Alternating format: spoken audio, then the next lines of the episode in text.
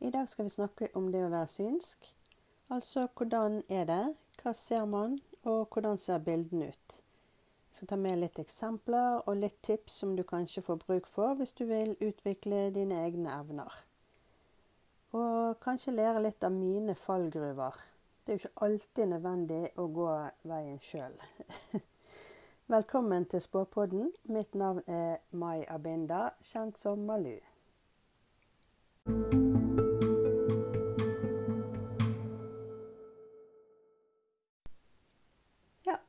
Er vi klar med dagens episode. Jeg må først si veldig kjekt med alle de gode tilbakemeldingene. Eh, folk liker at jeg lager podkast. Så nå gleder jeg meg enda mer til fortsettelsen her. Så tenkte jeg i dag og denne episoden at det var litt lurt å først fortelle litt om hvordan det er å være synsk. Eh, hva ser vi, hvordan ser det ut, hva er det vi ikke ser, hvorfor ser vi ikke altså, ja, En forklaring på hvordan det er før vi begynner med å spå på direkten, forsøke å løse krimsaker og sånne ting. For det er litt lurt at folk vet ja, hvordan det er først. Så jeg kan jo først fortelle om meg og mitt. Jeg eh, har vært synsk hele livet. Eh, så for meg er jo det vanlig. altså noe annet Jeg har, ikke opplevd noe annet. Så, og det første jeg så, det er det mamma som husker. Så for meg eh, Ja, jeg vet ikke om noe annet. Så, og jeg hadde jo en mormor fra Nord-Norge hun fortalte alltid om ting som hun så visste som skulle skje, og så sa hun alltid 'Sann mine ord'. Og jeg kan ikke huske at hun tok feil. Så ja, det har bare aldri sånn at, eh, at jeg måtte la være å si noe eller snakke om det, eller For det var bare Det har bare vært vanlig. Eh, men det, dermed har jo det for meg òg vært naturlig på en sånn måte at jeg har ikke trengt å kle meg ut eller være mystisk eller late som noe, eller lage det som noe mystisk. For det, for meg så er det naturlig. Jeg hadde òg eh, min bestevenninne sin mor. Hun var jo òg fra Nord-Norge. Og vi satt ofte og spådde på kjøkkenbordet med vanlige bordkort og kaffegrut. Og, og når jeg ble 13 år, så begynte jeg å spå venninner. Og um, da hadde jeg jo ikke tarotkort. Vi hadde bare vanlige bordkort. Men uh, ja, jeg spådde nå de som ville. Så det har bare vært sånn opp gjennom årene. Uh, og for meg så har det alltid vært sånn at jeg vet ikke hvor jeg får informasjonen ifra. Det er jo mange som sier at de har en sjaman eller en gammel lege eller en Så forteller de ting. Men for meg Jeg har ikke noe sånt. Det, for meg er det å være synsk bare at jeg bare vet svaret, på en måte. Jeg får bilder i hodet, eller jeg bare vet ting, eller hører ting, eller Altså hvor informasjon kommer fra, det vet jeg ikke. Så, men det for meg har det aldri vært viktig heller. For familien min så har det vært uh, vanlig. Men selvfølgelig det har vært litt irriterende for de òg. Jeg kan jo fortelle en historie fra Ja, jeg må jo ha vært uh, over 16 da, for jeg hadde moped. Litt sånn stor moped, ikke sånn scooter, men sånn som så ut som en liten motorsykkel. Og den Så var det blitt vinter. Og foreldrene mine sa nå slutter du å kjøre på, på mopeden, for det at nå er det glatt. Og jeg eh, ja, var litt rampete da, så jeg kjørte. Og så ble de irritert, så de tok og låste Kjøpte en stor lås, og så låste de hjulene, eller tok låsen rundt hjulene. Og jeg kom ut, skulle på trening, det var litt seint ute, og dæven døtte, der eh, var en diger lås. Og jeg tenkte åh, nå kommer jeg for seint, hva skal jeg gjøre? Og så tenkte jeg hvor er nøklene? Så tenkte jeg kan prøve å se om jeg ser de da. Foreldrene mine var ikke hjemme, så jeg eh, tenkte jeg skulle se om jeg klarte å finne nøkkelen. Og jaggu så fikk jeg et bilde av hvor nøklene var. Jeg så et eh, sånn eh, ja, brunt skrin, metallskrin. Og ble vist noen bilder av noen klær og noe, så jeg tenkte det der må jo være et klesskap. Så jeg gikk og, Siden de ikke var hjemme, da, så kunne jeg jo lete. Så jeg gikk opp i skapet og, og letet, og der var et brunt skap. Sånn, eller ikke skap, det var et sånt brunt eh, skrin, heter det. Eh, og oppi der lå nøkler. Så jeg løp ut, prøvde de, og det var jaggu nøklene til låsen. Så da eh, låste jeg opp og kjørte. De var ikke fornøyd da. Eh, ja, det er vel det jeg kan si om den saken. Um, en annen ting som eh, vi holdt på med, det var vel rundt samme tiden. Og det var en av de tingene jeg tenkte jeg skulle advare mot, egentlig. Det var Oji-brett. Et sånt brett med eller sånn plate, og så står alle bokstavene og tall og sånn, og så kan du stille spørsmål til det, og så flytter glasset seg oppå der. Det holdt vi på med mye. Eh, rundt, eh, ja, da Vi var sikkert rundt 14-15-16 år. Jeg husker vi satt i en bod hos en eh, venninne og holdt på med det her. Og det datt ting ned av veggene. og ja, det, det, det var veldig skummelt. Um, vi hadde òg holdt på oppe på loftet hjemme hos oss. Og det, det, ble faktisk sånn at om natten når vi hadde lagt oss, så hørtes det ut som noen ommøblerte hele loftet. Det var sånn at Folk spurte hvorfor vi drev og flyttet på ting rundt eh, på loftet om natten. Eh, så det vil jeg ikke anbefale noen å prøve. I hvert fall ikke alene. Hvis du skal gjøre det, så ville jeg gjort det sammen med profesjonelle. Um, jeg kan kanskje strekke meg til hvis det er, finnes noen profesjonelle der ute som hører på dette her. Så kanskje jeg kan ta med podkastutstyret mitt, og så kan vi ja, lage en ene episoden med sånn Oji-brett. Eh, men jeg kommer ikke til å prøve Oji-brett alene flere ganger. Det, det var skikkelig, skikkelig eh, skummelt. Så det vil jeg eh, si til folk. Ikke prøv det. Som jeg sa, så eh, jeg har ikke noen sjaman eller hjelper eller noe sånn som forteller meg noe. Altså hvis noen eh, Når jeg sitter og jobber og jeg synsk og hjelper noen, så jeg har ikke noen sjaman eller hjelper eller noen som forteller meg noe. Um, jeg bare vet uh, det Altså jeg ser bilder i hodet, og det kan jeg få som film eller bilder. Jeg kan få følelser, stemninger, lukter. Altså jeg kan komme i alle former, da. Så, um, altså, så jeg, altså jeg, skal ikke si at jeg ikke har hjelper, for det har jo de fleste. Eh, sånn at jeg har hjelpere på andre måter, men ikke en spesielt som gir meg eh, si, svarene når jeg er synsk for noen. Ehm, det med hjelpere det er et såpass stort tema at det, det kommer ikke til å ta noe mer av her nå. Det må jeg ta som en egen episode en annen gang.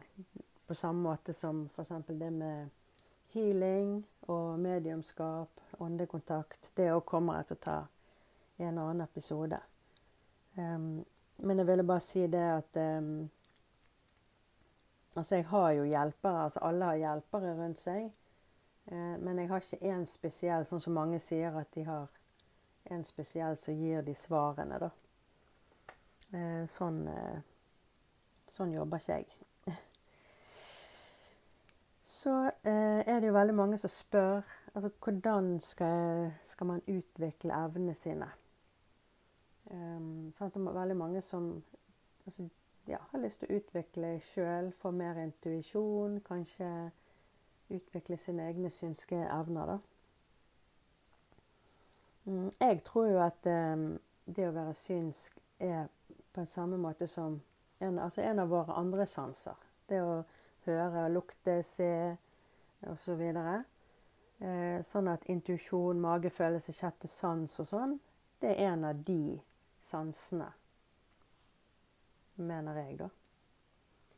Eh, men så er det jo noen som er født døv eller blind. Eh, og dermed så vil det òg eh, være folk som er født eh, som er i mindre kontakt med magefølelsen sin òg. Dette er mine to cent, altså. Det er sånn jeg føler at det henger sammen.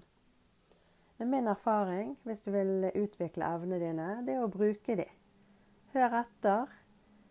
Og jo mer du bruker de og er mer bevisst på de, jo mer kommer de frem. Um, Altså, hør etter på magefølelsen. Det er veldig lett for oss at ikke du stoler på sant? At det, eh, du føler noe sånn Oi, dette ble feil. Og så tenker du nei, det er frykten min, eller det, det, er, det, det er, sånn jeg håper at det skal være. Sant? Du stoler ikke på det du føler, da. Men begynn å stole på det. Sant? Det er jo veldig ofte du kommer eh, sant? kommer kjørende og tenker nå skal jeg parkere her, og så får du en følelse av at uff, Nei, hvis jeg parkerer her, så skjer det et eller annet. Og Hvis du da dropper å høre på magefølelsen, så kan du være helt sikker på at du har en bunk i bilen når du kommer tilbake. Så begynn å høre på den, hør etter. Sant? Og bruk eh, intuisjonen din. Og jo mer du bruker evnene dine, jo mer får du. Du kan da gjerne begynne å legge tarotkort.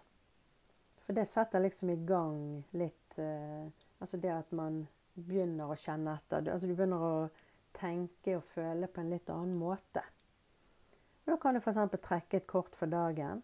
Du står opp om morgenen og så tenker du nå skal jeg trekke et kort som skal fortelle hvordan dagen min blir nå.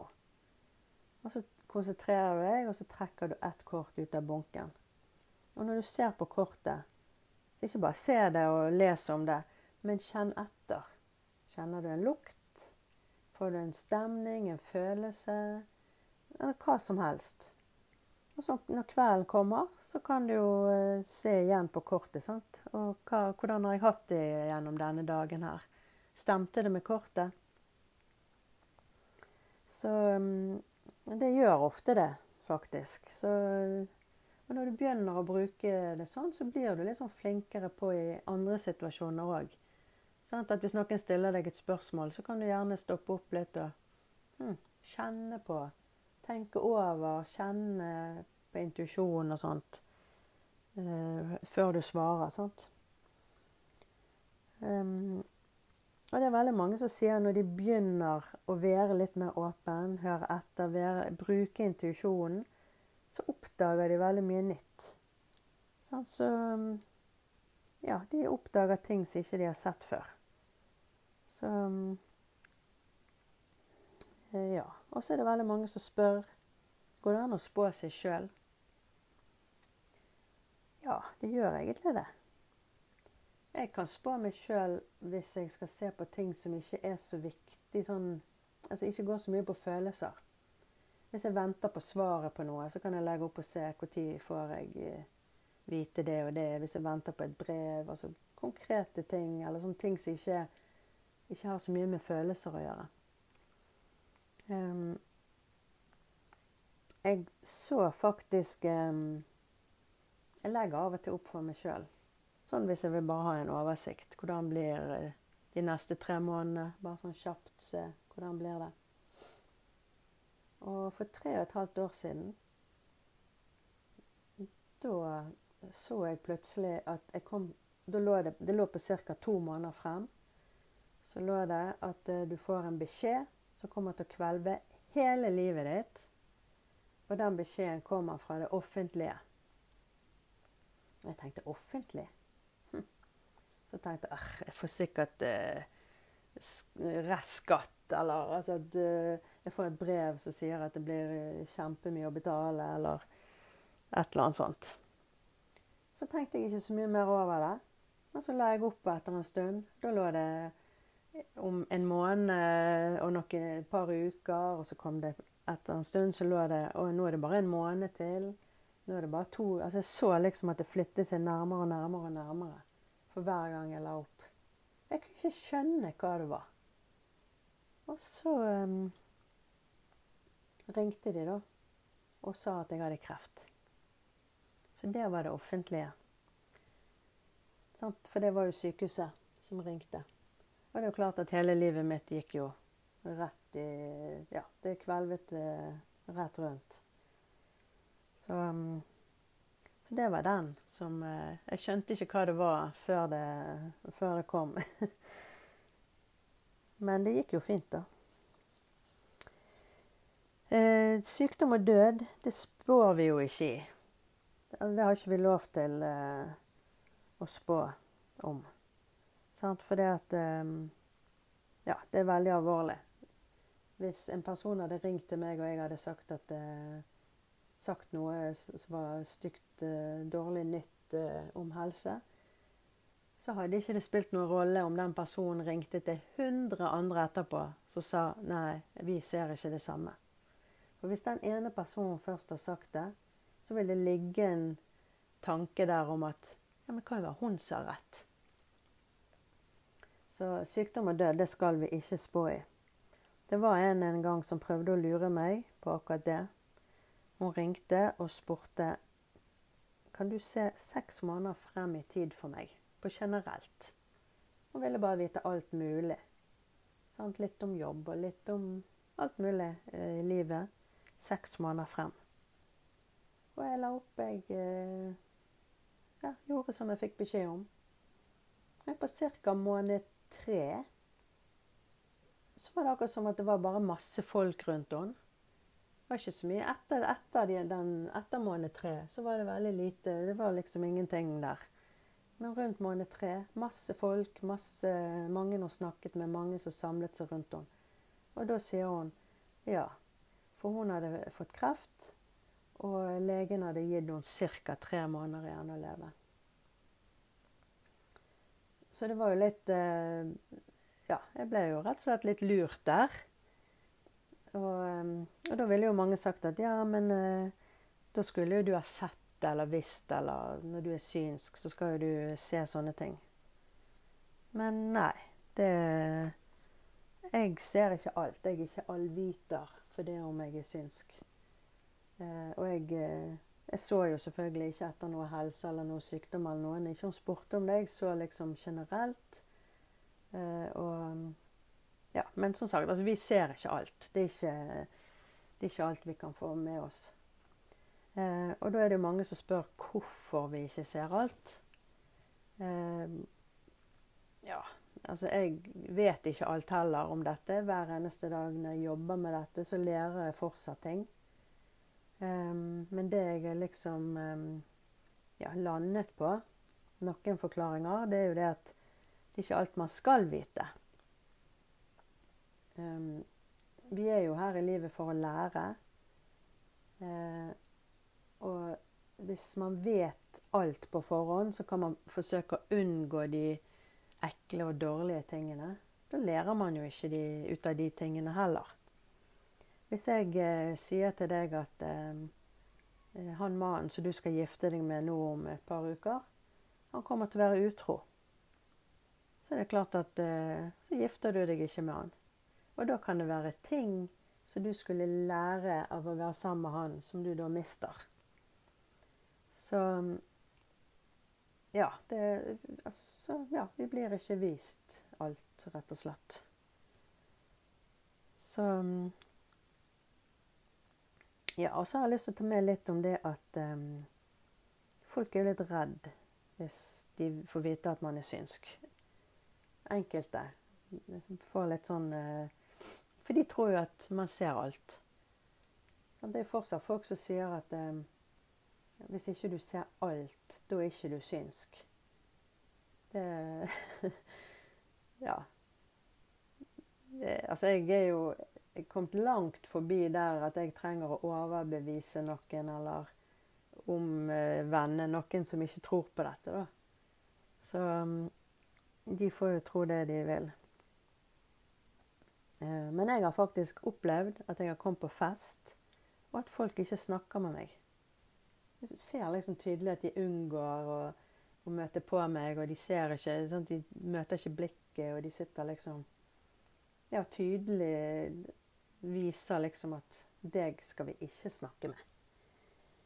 Mens når de blir litt brisen, da, så kommer de bort. Og så sier de ja, jeg har unngått deg i hele kveld, og jeg er så redd for eh, at du skal se alt. Sant? Kan du se alt, eller hva er det du ser? Og, sånn, så da, da, kommer de frem, da.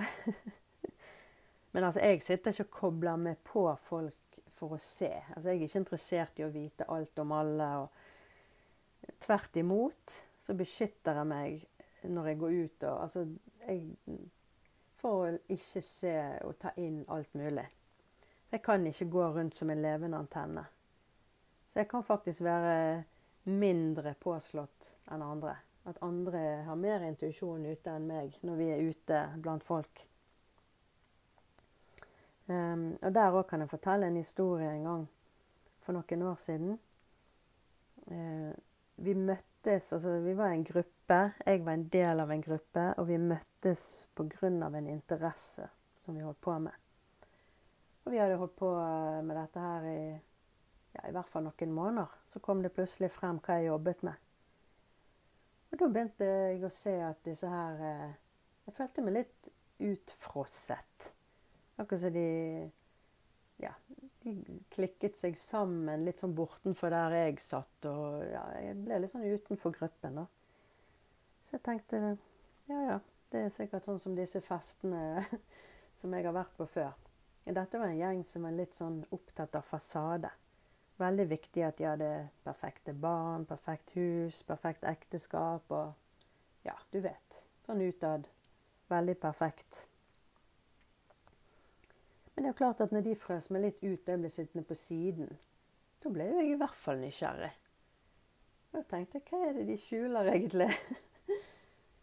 og så hadde jeg jo god tid òg, når jeg eh, ikke hadde noen å snakke med. De satt jo og pratet seg imellom. Jeg satt jo utenfor, så da hadde jeg jo muligheten til å se. Så satt jeg og observerte de, og da så jeg jo at hun ene hadde en mann som var utro. og ja, plukket fra hverandre alt som uh, foregikk der, da. Um, men selvfølgelig, jeg sa aldri noe til dem eller til, til, noen andre heller. Jeg holdt det for meg sjøl, det så. Men det er klart at etter det igjen, når jeg møtte dem, så så jeg òg redselen i øynene deres. For da visste de at jeg visste. Godt mulig at det var noe i mitt blikk som forandret seg da.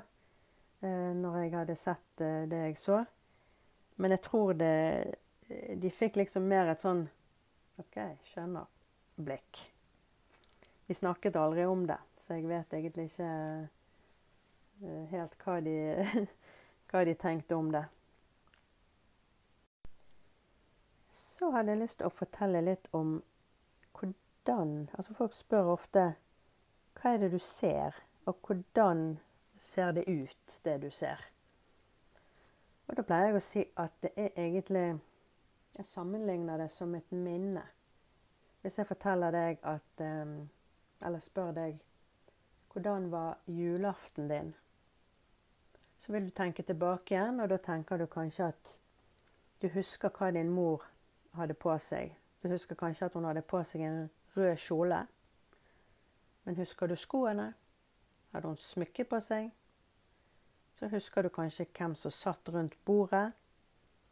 Men du husker ikke alle detaljer om hva de hadde på seg. Men det er alltid noe som stikker seg ut. Um, sånn at hvis jeg f.eks. en dag forteller til deg at um, jeg ser at du reiser til Syden, og en dag når du eh, står nede på stranden, så kommer du til å møte en dame, og hun har på seg en gul badedrakt. Så det kan godt være at det er bare det jeg eh, får opp. Jeg ser deg på stranden, og jeg ser den damen du møter med en gul badedrakt. Um, så, og det er jo selvfølgelig en historie rundt det, sant? men bare for å fortelle bildet, da. Så når du møter henne, når du står på stranden, så kommer det en dame i gul badedrakt. Så vil jo du huske at Oi, der var det som hun snakket om. Der var den gule badedrakten. Så og de bildene som jeg får opp, de må komme av seg sjøl. Altså, det er ikke jeg som bestemmer hva jeg skal se, eller det er ikke jeg som velger hva som kommer. Så derfor så um, Det er mange som spør ja, men når skjer disse tingene. Og det er klart Hvis jeg ikke får en, en dato oppi hodet, bare ser en tid eller noe annet som forteller tid, så vet jeg ikke når det skjer. Det er derfor jeg òg bruker tarotkort når jeg spår. For eh, da legger jeg ut kortene, og så finner jeg på en måte igjen disse bildene som jeg ser i hodet, det finner jeg igjen i kortene. Og så har jeg laget meg et sånt legg med kortene som gjør at jeg kan telle fremover, og da kan jeg si når tid skjer, da. Eller når ting skjer. Eh, og tid er jo alltid vanskelig å spå. Det, altså, jeg pleier å si hvis jeg bommer på noe, eh, så er det som oftest det. Så det er som oftest tid jeg bommer på, da. Um, jeg har litt jukselapp her, så kan være dere husker, hører eh, papirene. Men dette temaet er så stort at jeg eh, glemmer noe hvis ikke. Mm, jeg hadde lyst til å ta med òg litt eh, når det gjelder å finne ting og sånn. Ting, folk, dyr. Ting er ikke jeg noe særlig god på å finne.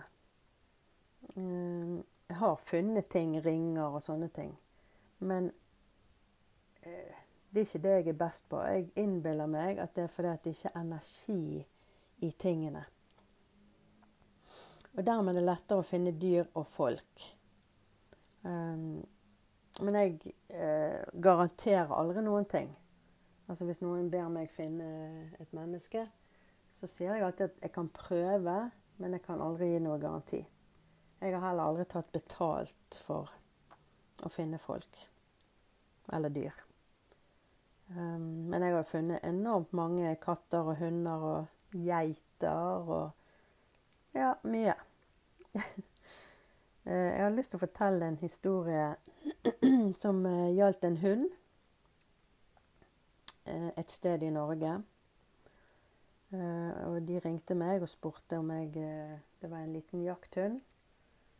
så jeg sa jeg kan prøve. Det jeg fikk opp, det var to stedsnavn. Og så så jeg bilde av en brønn. Og jeg trodde da at hunden hadde falt oppi brønnen. Og så så jeg at den ene foten var skadet.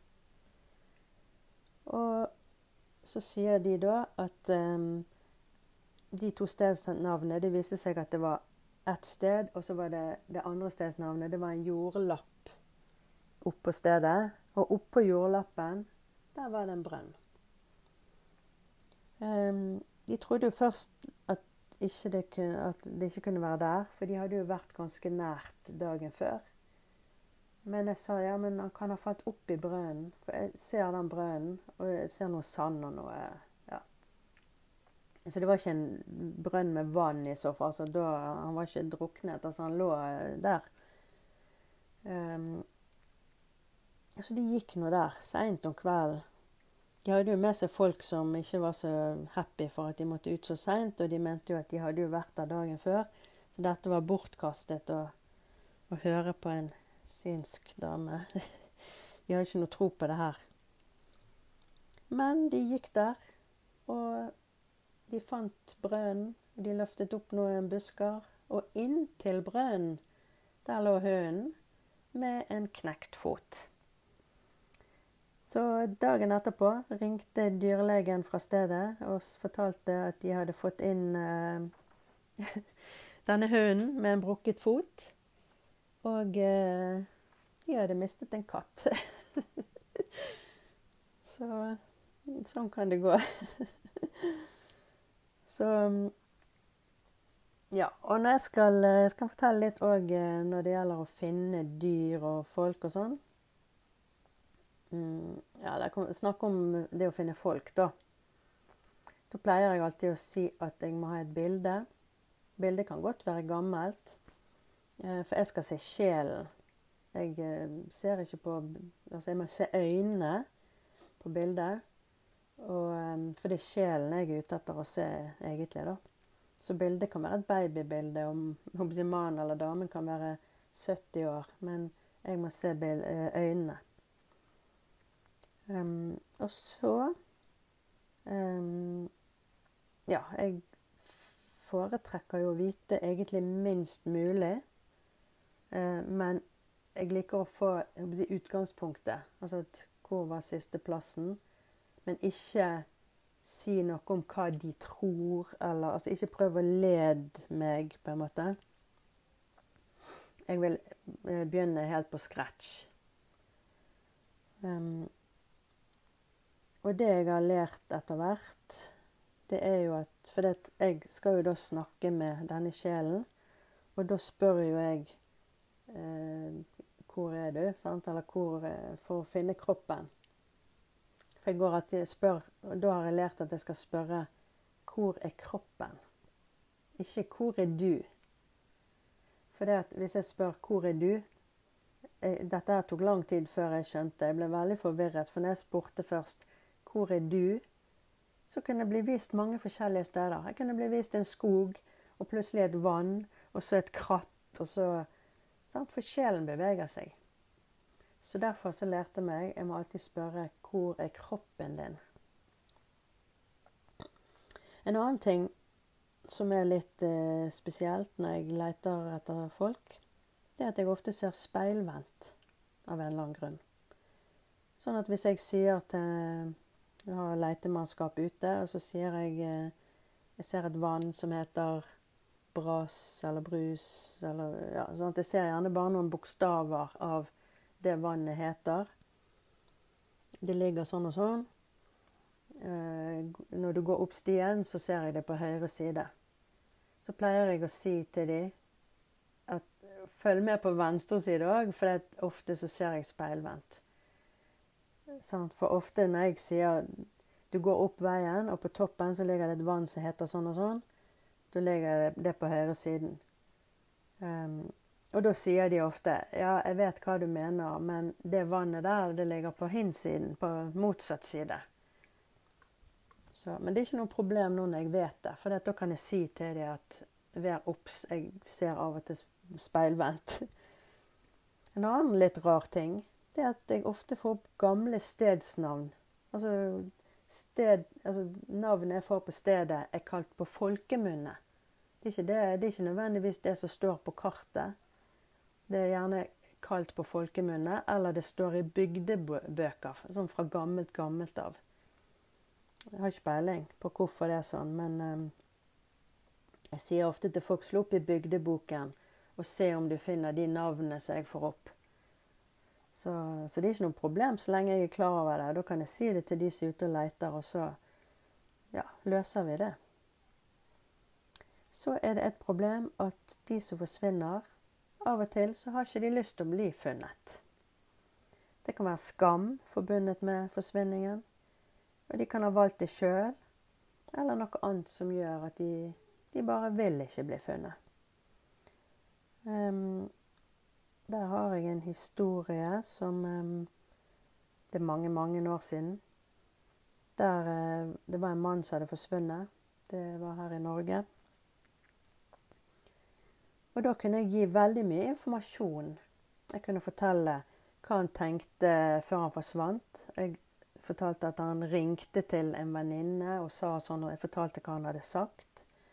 Eh, der hadde han òg sagt liksom, tankene sine, hvordan han hadde det for tiden og sånn. Og jeg fortalte da hva han hadde sagt til hun venninnen. Jeg fortalte hvor han gikk, hva problemer han hadde hatt eh, både før og denne dagen. Og jeg ble vist eh, broer og stier og ting i området eh, som de da senere fikk bekreftet at det var riktig. Han gikk akkurat de, de stedene der, for de hadde fanget han opp med kamera og sånne ting, og det var folk som hadde sett han. Så alt sammen stemte. Med, de snakket med venninnen, og ja, alt alle, All informasjonen var riktig. Og plutselig stopp. Fikk ingenting mer. Og da hadde jeg Det, det er akkurat som at han gikk fra et byområde, og så så jeg han plutselig på et naturområde. Jeg kunne beskrive området, hvordan det så ut. altså Steiner og ting som var i nærheten. eh, stolper og absolutt alt. Men det var akkurat som derfra så forsvant han i løse luften, på en måte. Og fikk ingenting mer. Og så, sa jeg OK, jeg skal prøve en gang til. Og da eh, Nå skal jeg kalle hun som jeg snakket med, jeg kaller hun for Grete. Um, så jeg sa at uh, de leter jo etter deg, så jeg må få informasjon sånn at vi kan finne kroppen din. Og da fikk jeg til svar Grete har fått det hun trenger nå. At, eh, jeg forsto at han var glad for at de letet etter han, og at det, det betydde mye for han og alt, men han sa nå, hun har fått det hun trenger nå. Og etter det jeg fikk ingenting mer. Det ble Det var helt stopp. Og etter som jeg vet, så ble han aldri funnet. Jeg har ikke hørt at, uh, at han har blitt funnet, da. Um, ja, så nå uh, tror jeg jeg har fått med alt. Jeg har helt sikkert glemt mye i denne episoden. Da får jeg bare ta det med seinere. At vi får bare sant, F.eks. dette med healing, åndekontakt, mediumskap, sånne ting. Hjelpere. Det lager vi egne episoder på. Og der, hvis det er noen som vil bidra, bare send meg en mail. Jeg kan ta med podkastutstyret, eller jeg kan møte noen eh, og gjester skal vi jo ha underveis eh, seinere uansett. Men det er én ting som jeg bare må ta med før vi avslutter for i dag. Og det er at jeg jobber veldig lite med dette nå. Jeg lager ikke podkast for reklame. Jeg lager podkast for å dele erfaring, pluss at mange har bedt meg holde foredrag. Eh, så jeg har ikke mulighet til å ta på meg masse spåing, for å si det sånn. Neste episode tenkte jeg, den ser jeg blir jo i slutten av måneden. Så den kommer nok til å handle om forutsigelser. Så da skal jeg fortelle litt om eh, Jeg skal spå litt om hva som kommer til å skje. Hva vi kommer til å høre om i media i september. Så, så neste episode blir om forutsigelser for september. Du har nå hørt Spåpodden. Mitt navn er Mai Abinda, kjent som Malu.